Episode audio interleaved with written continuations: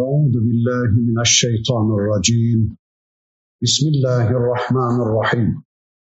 الحمد لله رب العالمين والصلاة وأتم التسليم على سيدنا محمد المبعوث رحمة للعالمين. اللهم لا سهل إلا ما جعلته سهلا وأنت تجعل الحزن إذا شئت سهلا. اللهم علمنا ما ينفعنا وانفعنا بما علمتنا وزدنا علما برحمتك يا أرحم الراحمين. أما بعد بسم الله الرحمن الرحيم. والسماء والطارق وما أدراك ما الطارق؟ النجم الثاقب. إن كل نفس لما عليها حافظ. فلينظر الإنسان مما خلق خلق من ماء دافق يخرج من بين الصلب والترائب إنه على رجعه لقادر إلى آخر الآيات صدق الله العظيم Muhterem müminler, okuduğumuz bu ayetler kulluk kitabımız Kur'an-ı Kerim'in Tarık suresi diye bilinen bir suresinin ayetleri. İnşallah bu hafta Tarık suresine misafir olduk. Bakalım bize neler ikram edecek, bize hangi şerefli bilgileri aktaracak. İnşallah sureyi birlikte okumaya başlıyorum. Ve semai ve tarik. Semaya ve tarika yemin olsun ki. Semaya ve gece gelene yemin olsun ki semaya ve gündüz gizlenip gece açığa çıkana yemin olsun ki, gündüz saklanıp gece ortaya çıkana yemin olsun ki, وَمَا اَدْرَاكَ مَا Tarık. Ey peygamberim, Tarık'ın ne olduğunu sana ne idrak ettirebilir? Tarık'ın ne olduğunu sana kim anlatabilir? Kim bildirebilir? Dinle onu sana ben anlatayım anlamına ve ma edrake bir kalıptır. Dinle ey peygamberim, Tarık'ı sana ben anlatayım. Neymiş Tarık? En necmu thâkib, ışığı karanlığı delerek gelen yıldızdır. Karanlıkları delerek ışığı gelen yıldıza yemin olsun ki çok uzaklardan karanlıkları dele dele ışığı gelen yıldıza yemin olsun ki gökyüzünde yeryüzündeki kumlardan daha kalabalık yıldız var. Dünyamızdan milyon kere daha büyük yıldızlar var. Yeryüzünden ışık hızıyla hareket eden bir vasıtaya binseniz, ışık hızı da saniyede 300 bin kilometre. Yani bir tek saniyede dünyanın çevresini yedi defa dolaşan sürate ışık hızı denir. Yeryüzünden ışık hızıyla hareket eden bir vasıtaya binseniz, 120 milyar yıl gitseniz kimi yıldızlara ulaşamazsınız. İşte Rabbimiz yıldızlara yemin ediyor. Mekki surelerin karakteristik özelliğidir bu. Rabbimiz Mekki surelere genellikle yeminle başlar. Bazen zatına yemin eder Rabbimiz, bazen yaratıklarına yemin eder. Burada olduğu gibi bazen bir yemin, bazen iki, bazen üç, bazen beş, bazen altı yemin eder. Neden yemin eder Rabbimiz? Birincisi üzerine yemin ettiği konunun bizim hayatımızdaki önemine dikkat çekmek için Rabbimiz yemin eder. İkincisi yeminden sonra çok ciddi bir konuyu anlatacağı zaman bizim dikkatlerimizi çekmek için Rabbimiz yemin eder. Bakın gökyüzüne yemin etti, yıldızlara yemin etti. Şimdi de söyleyeceği önemli konuyu şöylece söylemeye başlıyor. İn kullu nefsin lemma aleyha hafız. Hiçbir nefis yoktur ki onun üzerinde bir koruyucu olmuş olmasın. Hiçbir insan yoktur ki onun üzerinde onu kazalardan, belalardan koruyan bir melek ve onun amellerini zayi olmaktan, amellerini kaybolmaktan koruyan, amellerini tespit eden bir melek olmuş olmasın. Bir koruyucu melek olmuş olmasın. Rabbimiz şu gerçeği anlamamızı istiyor. İnsanın bir tek saniyesi bile yoktur ki Allah murakabesinin dışında olsun. Bir tek saniyemiz bile yoktur ki biz başıboş olalım, kendi halimize olalım. Biz her an Allah kontrolü altındayız. Her an Allah murakabesi altındayız. Buna inanan, bu gerçeği anlayan bir kişi günah işleyemez. Her an Allah'la karşı karşıya olduğunu, her an Allah kontrolü altında bulunduğunu bilen, buna inanan bir mümin yalan söyleyemez, içki içemez, zina edemez, kimseye haksızlık yapamaz. İşte Rabbimiz bizim bu gerçeği anlamamız için yemin etti. Sonra bakın şöyle buyurdu. فَلْيَوْضُرِ الْاِنْسَانُ مِمَّ خُلِقٍ İnsan neden yaratıldığına bir bakı versin. Neden yaratılmış insan? Hulika min ma'in dafik. Atıla gelen bir sudan yaratıldı. Ana rahmine atılan bir damla sudan yaratıldı. Yahrucu min beyni sulbi ve o suda sulp ile teraib arasından gelmektedir. Bel ile göğüs kafesi arasından gelmektedir o su. Bakın Rabbimiz bizim menşeimize dikkat çekiyor. Şu insan neden yaratıldığına bir bakmaz mı? bir damla sudan yaratılmıştır. Elinize değdiği zaman, elbisenize bulaştığı zaman yıkama lüzumu duyacağınız hor hakir, keyfiyeti olmayan bir damla sudan yaratıldınız. O bir damla suyun nereden çıktığı da belli. İnsan neden yaratıldığını unutuyor da Allah'a kafa tutmaya kalkıyor. Bir damla sudan yaratıldığını unutuyor da insan Allah'a karşı isyan içinde bir hayatı tercih edebiliyor. Şuraya bir damla su koysalar bunun içinden bir insan çıkacak deseler kimse inanmaz. Ya bunun aklı nerede, bunun fikri nerede, bunun beyni nerede, bunun iradesi nerede, bunun gözü kulağı nerede, bunun eli ayağı nerede, bunun ciğeri dalağı nerede, bunun kemiği nerede, bunun kası nerede der değil mi?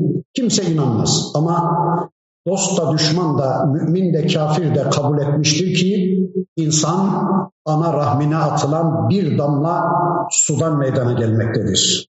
O bir damla su babanın belindeyken, babanın ihlilindeyken atılıp gidebilir, telef olup gidebilirdi, yok olup gidebilirdi. Ana rahmindeyken atılıp gidebilir, telef olup gidebilirdi. Peki ana rahmini bir sağlıklı ortam olarak yaratan, ana rahminde o bir damla suyu adam eden kim? Allah değil mi? İnsan bunu unutur da Allah'a kafa tutmaya kalkar. İnnehu ala rac'ihi lekadir. Şüphesiz ki Allah onu tekrar döndürmeye de kadirdir. Ölümünden sonra onu tekrar yaratmaya da Allah kadirdir. Bakın bu konu tartışılıyordu bu ayetlerin indiği dönemde. Mekke müşrikleri Peygamber Efendimiz'i sıkıştırmaya çalışıyorlardı. Ey Muhammed sen yeniden dirileceğimizi söylüyorsun öyle mi? Mezarlıklardan kurumaya yüz tutmuş, çürümeye yüz tutmuş insan ve hayvan kemikleri getiriyorlar. Elleriyle ufalıyorlar ve diyorlardı ki ey Muhammed sen bu kemiğin sahibinin tekrar dirileceğini söylüyorsun öyle mi? Sen onu bizim külahımıza anlat. Biz böyle bir şeye asla inanmayız diyorlar. Bunu hiç kimse beceremez. Böyle bir şey mümkün değil diyorlardı. Kemiklerimiz bile çürüyüp gittikten sonra vücutlarımız lime lime hücreler halinde toprağa karışıp gittikten sonra bizi hiç kimse diriltemez.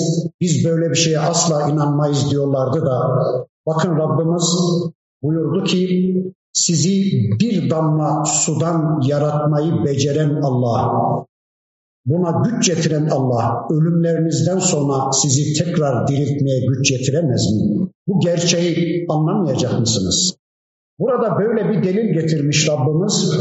Kitabımızın başka surelerinde öldükten sonra yeniden dirilişe başka deliller getirir Rabbimiz. Onlardan bir tanesi bakın şöyle. Ey insanlar söylesenize göklerin ve yerin yaratılması mı daha zor yoksa ölümlerinizden sonra sizin tekrar yaratılmanız mı daha zor? Gökleri ve yeri yaratan Allah, bunu beceren, buna güç getiren Allah, ölümlerinizden sonra sizi hiç diriltemez mi? Bu gerçeği anlayamadınız mı? Bir başka suresinde ölümünden sonra kış mevsimi bir buzula dönüştükten sonra yarım metre donduktan sonra bahar mevsimi Rabbimizin baran rahmeti, rahmet yağmurları yeryüzüne inmeye başlayınca ölü toprağı yeniden dirilten, yemyeşil tabiata yeniden hayat kazandıran Allah, bunu beceren, buna güç yetiren Allah, ölümlerinizden sonra sizi tekrar diriltmeye güç yetiremez mi? bu gerçeği hala anlamayacak mısınız diye Rabbimiz kitabında ölümden sonraki dirilişe deliller getirir. İnnehu ala rac'ihi lekadir. Hayır hayır. Sizi bir damla sudan yaratan Allah ölümlerinizden sonra sizi tekrar döndürmeye, tekrar diriltmeye de kadirdir. Yevme tubles sarair. O gün kıyamet günü bütün düğümler, bütün sırlar çözülür. Bütün esrarlar, bütün sırlar düğüm düğüm çözülür. Her şey ortaya dökülür. Bütün gizliler açığa çıkarılır. Bütün kapalılar açığa çıkarılır. Bütün şifreler deşifre edilir. Her şey ortaya dökülür. İyi ya da kötü, helal ya da haram, günah ya da sevap ne işlemişseniz her şey ortaya dökülür ve kalplerin hasılası da yani niyetler de açığa çıkarılır ve ameller niyetlerle birleştirilir. Bakın bu dünyada çoğu zaman niyetler gizlidir. Bir adam bir eylem ortaya koyar, bir amel ortaya koyar ama o ameli işlerken kalbinden geçirdiği, kalbinde, kalbinde taşıdığı niyet çoğu zaman gizli kalır. Çünkü biz kalpleri yarıp bakma imkanına sahip değiliz. Ama o amelleri de, o amelleri işlerken kişinin kalbinde taşıdığı niyetleri de en iyi bilen Allah, işte kıyamet günü amellerle niyetleri birleştiriverir. Ameller niyetlerle değerlendirilir. Bakın Peygamber Efendimizin bir hadisi vardı. İnnemel a'malu bin niyat. Ameller niyetlere göredir. Ameller niyetlerle değerlendirilir. Ameller niyetlerle değer kazanır. Niyet amelden önceliklidir. Niyet amelden daha üstündür. Çünkü amelsiz bir niyet sevap sebebidir ama niyetsiz bir amel boştur. Bakın bu konuda bir iki örnek vereyim. Bir aile düşünün ki ah Rabbim bize bir evlat verse de onu Allah'a kulluğa adasak. Rabbim bize bir evlat verse de onu Müslümanca eğitip Allah'a kulluğa adasak diye dua dua niyet edip Allah'a yalvarıyor. Bu ailenin bu güzel niyeti aman çocuğumuz olmasın diye tedbir üstüne tedbir alan, istemedikleri halde kazara bir çocuğa ulaşan bir ailenin amelinden daha üstündür. Birinci ailenin niyeti ikinci ailenin o eyleminden, o amelinden daha üstündür. Bir başka örnek vereyim. Bir Müslüman düşünün ki Allah nasip etse de bir cihat eylemine katılsam, Allah imkan verse de Allah yolunda bir cihad etsem diye dua dua yalvarıyor, niyet ediyor, cihat arzusunu içinden geçiriyor ama Allah nasip etmediği için bir cihat ortamında bulunamıyor. Bu kişinin bu güzel niyeti bir cihada iştirak etmiş ama ülke fethetmek için, ganimetlere ulaşmak için, ya da Cihangir desinler diye, kahraman desinler diye, bu adam çok yiğitçe savaşıyor, burnunu budaktan esirgemiyor desinler diye bir cihat eyleminde bulunan kişinin amelinden önceki kişinin niyeti daha üstündür. Mücerret bir niyet sevap sebebidir. Bakın Allah'ın Resulü Tebuk seferine çıktığında bir yerde konaklamış ordusuyla birlikte, askerlerle birlikte bir hutbede bulunmuş sevgili peygamberimiz. Buyurmuş ki ey ashabım arkanızda Medine'de kalmış nice kardeşleriniz var ki adım attığınız her bir vadide, konakladığınız her bir bölgede onlar sizinle birlikte olmuş olmasınlar. Onlar sizin sevaplarınıza ortak, ortak olmuş olmasınlar buyurdu. Sahabe-i kiram dediler ki ya Resulallah bu nasıl olur? Biz her şeyimizi arkada bıraktık. Allah rızası için bir sefere çıktık. Onlar Medine'de oturup kaldılar. Nasıl olur da adım attığımız her bir bölgede, konakladığımız her bir coğrafyada onlar bizimle birlikte olurlar. Onlar bizim şu cihat eylemimize ortak olurlar. Allah'ın Resulü buyurdu ki onlar da tıpkı sizin gibi bu cihada katılmayı niyet ettiler. Dua dua yalvardılar, istediler gönülden ama kılıçları olmadığı için, binikleri olmadığı için, imkanları olmadığı için ya da yatalak hasta oldukları için bu cihat eylemine katılamadılar. Niyetlerinden ötürü onlar da sizin aldığınız sevaba ortaktır. Onlar da sizinle beraberdir buyurdular. Yine Allah'ın Resulü bir başka hadislerinde şöyle buyurur. Bir Müslüman düşünün ki çok zengin. Allah ona çok cemal vermiş. O Müslüman o malın gerçek sahibi olarak Allah'ı bilmiş, Allah'ı tanımış ve o malını, o malın gerçek sahibi olan Allah yolunda bolca harcıyor, infak ediyor, zekat veriyor. İkinci bir Müslüman daha var ki onun parası pulu yok. O da o Müslüman kardeşini göstererek şöyle diyorsa, Ya Rabbi eğer bana da o kardeşime verdiğin gibi bolca mal verseydin, ben de senin yolunda o kardeşimin yaptığı gibi o malı itlaf ederdim, infak ederdim diyorsa, bu ikisi sevapta eşittir diyor. Anladınız değil mi? Birisi çok zengin, Allah yolunda mal harcıyor, infak ediyor. Ötekisinin meteli bile yok.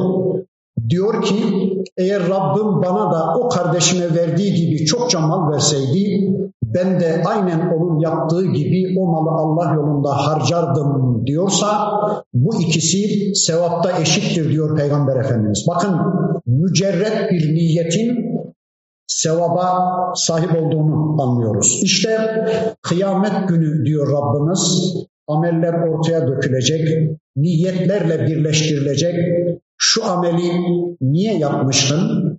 Beni razı etmek için mi yoksa toplumu razı etmek için mi?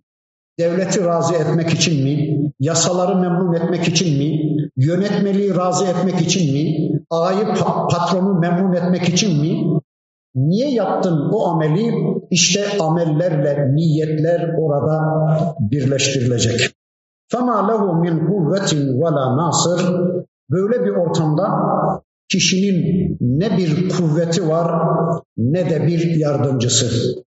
Böyle bir sorgulama ortamında ne kendisine yardım edecek kişinin kendi gücü var ne de bir yardımcısı var. Tıpkı dünya geldiği gündeki gibi aciz, güçsüz, yalnız olarak kişi kıyamet gününde mahkeme-i kübradadır. Dünya geldiğiniz günü bir düşünün. Şu anda dünya geldiğiniz günü sizin bilmeniz mümkün değil ama işte dünya gelen çocukları görüyoruz, bebekleri görüyoruz. Nesi var?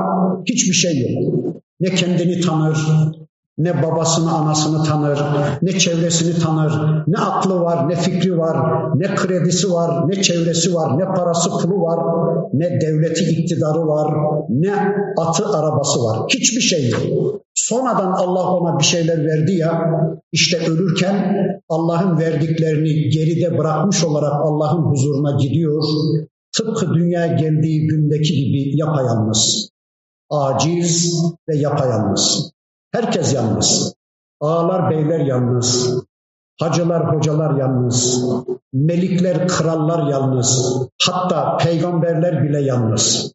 Herkes amelleriyle baş başa.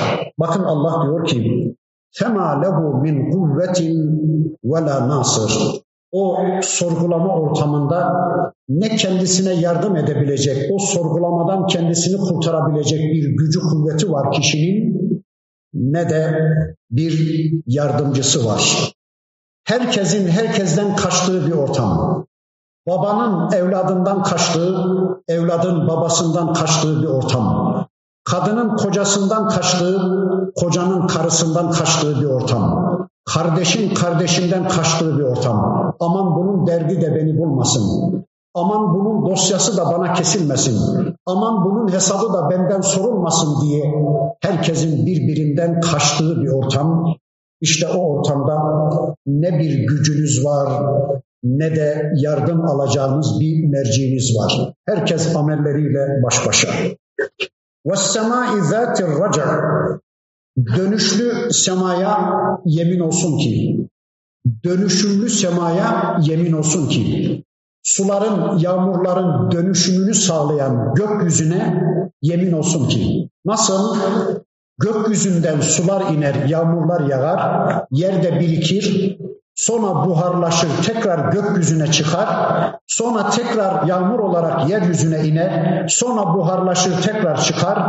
Yağmurların dönüşümünü sağlayan gökyüzüne yemin olsun ki vel ardı zat sad bir de bitki bitirmek için, ürün çıkarmak için çatlayıp yarılan arza yeryüzüne yemin olsun ki Sanki bu ifadeyle Allah şunu söylüyor.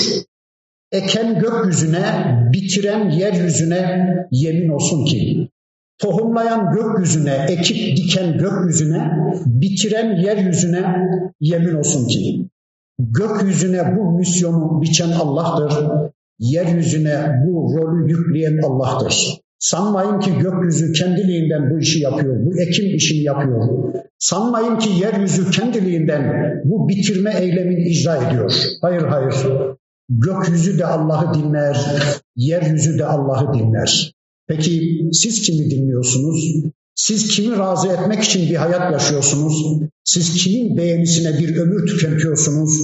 Onu bir daha bir daha düşünün. İnnehu lekavlun faslun. Muhakkak ki bu Kur'an fasıl bir sözdür. Muhakkak ki bu Kur'an fasıl bir sözdür. Fasıl kelimesinin birkaç anlamı var. Bir tanesi kesin bir sözdür. Mutlak doğru ve kesin bir sözdür. Birinci anlamı. İkinci anlamı fasıl her şeyi havlu fasledip ayıran, ayrıştıran bir sözdür bu Kur'an. Bir kılıç gibi her şeyi ayırır, ayrıştırır. Hakkı batıldan, batılı haktan, iyi kötüden, kötüyü iyiden, imanı küfürden, küfrü imandan, hidayeti dalaletten, dalaleti hidayetten, doğruyu yanlıştan, yanlışı doğrudan bir kılıç gibi ayırıp hallu fasleden bir sözdür bu Kur'an. Üçüncü anlamı her şeyi tafsilatlı bir biçimde ortaya koyan bir kitaptır bu Kur'an her şeyi tafsilatlı bir biçimde ortaya koyan bir sözdür bu Kur'an. Bu dünyada bizim muhtaç olduğumuz tüm bilgileri, tüm kulluk bilgilerini tafsilatlı bir biçimde bize anlatan bir kitaptır bu. Bu dünyada bir insan nasıl kul olmalıdır? Rabbiyle nasıl bir iletişim kurmalıdır? Çevresiyle nasıl bir uyum içinde olmalıdır? İnsanın çevresine karşı yeri, konumu, misyonu nedir? Hangi yol insanı cennete götürür? Hangi yol insanı cehenneme götürür? Hangi program Allah'ın razı olduğu programdır? Hangi program Allah'ın gazap ettiği programdır? Bu dünyada bir insan nasıl mutlu olur? Ne yaptığı zaman huzur içinde bir hayat yaşar. Ne yaptığı zaman huzurunun ayaklarının altına alır. Yaşadığımız bu hayat nedir? Bizi bu hayata getiren kimdir? Bizi bu hayata getiren varlık bizden nasıl bir kulluk istemektedir? Yaşadığımız bu hayatın sonunda bizi nasıl bir cehennem beklemektedir? yaşadığımız bu hayatın sonunda bizi nasıl güzelin güzeli bir cennet ve mükafat ortamı beklemektedir. Bütün bunları yani bu dünyada bize lazım olan kulluk bilgilerini tafsilatlı bir biçimde başka hiçbir kaynağa müracaat etmemize gerek kalmadan ortaya koyan bir kitaptır. Bir de fasılalı fasılalı her bir konuyu gündeme getiren bir kitaptır bu Kur'an. Fasılalı fasılalı.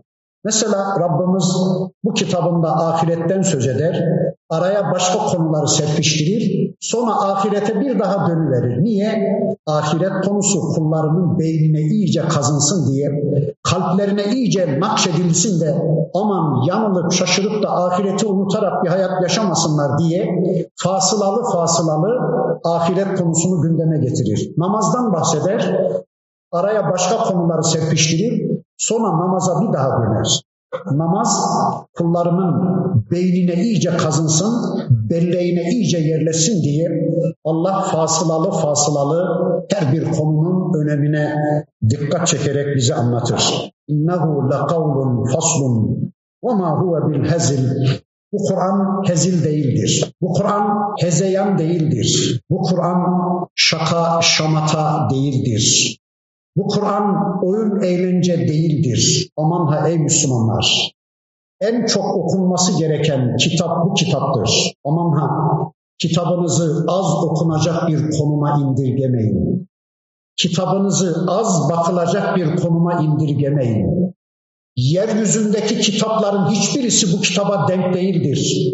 Yeryüzündeki kitapların hiçbirisi bu kitabın önüne geçirilemez.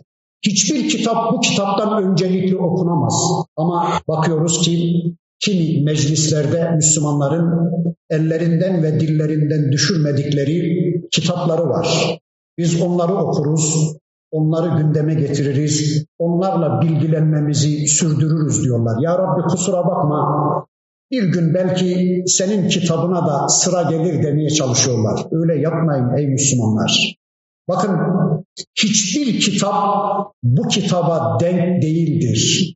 Gerek Allah'ın gökten indirdiği semavi kitaplar, sonradan insanların tahrif ettikleri semavi kitaplar olsun, gerekse insanların o kitaplardan esinlenerek yazdıkları kitaplar olsun, yani insan elinin değdiği tüm kitaplar, tefsir kitapları, fıkıh kitapları, ilmihal kitapları, siyer kitapları da dahil hiçbir kitap, beşer elinin değdiği hiçbir kitap bu kitaba denk değildir. Hiçbir kitap bu kitabın önüne geçirilmemelidir. Bakın o kadar açık ve net söylüyor ki Rabbimiz وَمَا هُوَ بِالْهَزِلِ Bu kitap bir oyun eğlence değildir. Aman ha bu kitabın ayetlerini oyun eğlence konusu yapmayın bu kitabı ikinci plana atmak suretiyle, bu kitabın önüne başka kitapları geçirmek suretiyle sakın ha bu kitabı hezil konumuna indirgemeyin. İnnehum yekidune keyda. Şu insanlar benim kitabıma tuzak kuruyorlar. Ve ekidu keyda ben de tuzak kuruyorum. Ben de onların tuzaklarını bozmak üzere tuzak kuruyorum. Bakın Allah diyor ki İnsanlar benim kitabıma tuzaklar kuruyorlar. Nasıl? Yeter ki insanlar Allah'ın kitabına yönelmesinler diye bir yığın kitaplar yazıp piyasaya sürüyorlar. Bir yığın kitaplarla piyasayı boğuyorlar. O kitapların arasından zaman bulup fırsat bulup da insanlar benim kitabımı okumaya fırsat bulamasınlar diye bir yığın kitabı piyasaya sürüyorlar. Böylece benim kitabıma karşı tuzak kuruyorlar. Yeter ki insanlar benim peygamberime yönelmesinler. Örnek şahsiyet olarak benim peygamberimin sünnetini öğrenmesinler diye bir yığın örnek şahsiyet sürüyorlar piyasaya. Aman filan zat şöyle uçar böyle kaçar. Falan zatın tekkesinde bir çorba içerseniz kesin cennete gidersiniz. Filan zatın eteğinden yapışırsanız o sizin kabir sualinize bile cevap verecek diye piyasaya öyle suni örnek şahsiyetler sürüyorlar ki o örnek şahsiyetlerin arasından insanlar fırsat bulup da benim peygamberime gidemesinler. Benim peygamberime gitme gereği duymasınlar diye bir yığın örnek şahsiyetler sürüyorlar piyasaya. benim peygamberime tuzak kuruyorlar. Yeter ki insanlar benim sistemime, benim şeriat sistemime gereksinim duymasınlar diye piyasaya bir yığın sistemler üretip sürüyorlar. Yok komünizm değil, kapitalizm değil, faşizm değil, laisizm değil, demokrasi değil, bilmem ne izim değil, ne izim değil. Yığın yığın felsefi sistemler sürüyorlar piyasaya. O sistemlerle doyma olasın bu insanlar da Allah'ın şeriatına gereksinim duymasınlar diye. İşte neredeyse demokrasiyi içselleştirdik.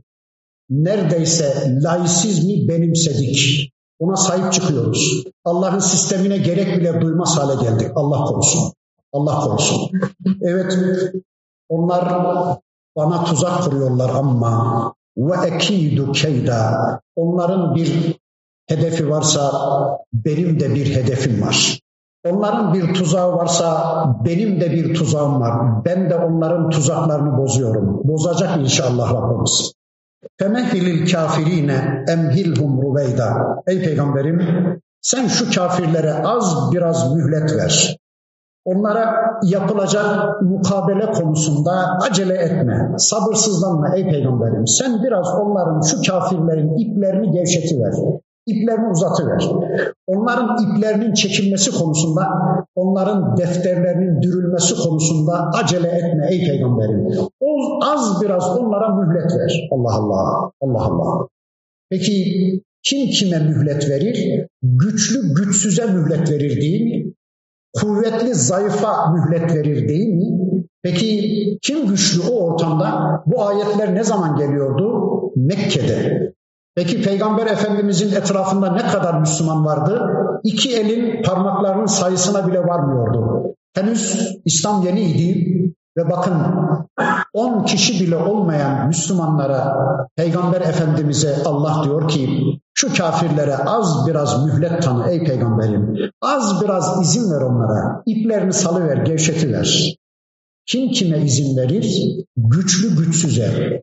Peki böyle bir ortamda güçlü kimmiş? Peygamber Efendimiz. Güçsüz kimmiş? Tüm dünya. Eğer üç kişi de olsa, beş kişi de olsa bir Müslüman grup tüm dünyada karşısında olsa onlar güçlüdür. Çünkü onların safında Allah var. Onların desteğinde Allah var. Onlar Allah desteğindedir. Öyleyse biz de kendimizi güçlü bileceğiz. Desteğimizde Allah olduğu sürece, Allah adına hareket ettiğimiz sürece hiçbir şeyden korkmayacağız. Tüm dünya karşımızda bile olsa biz güçlü olacağız. Güçlü olduğumuzun bilinci içinde Müslümanca bir hayat yaşayacağız.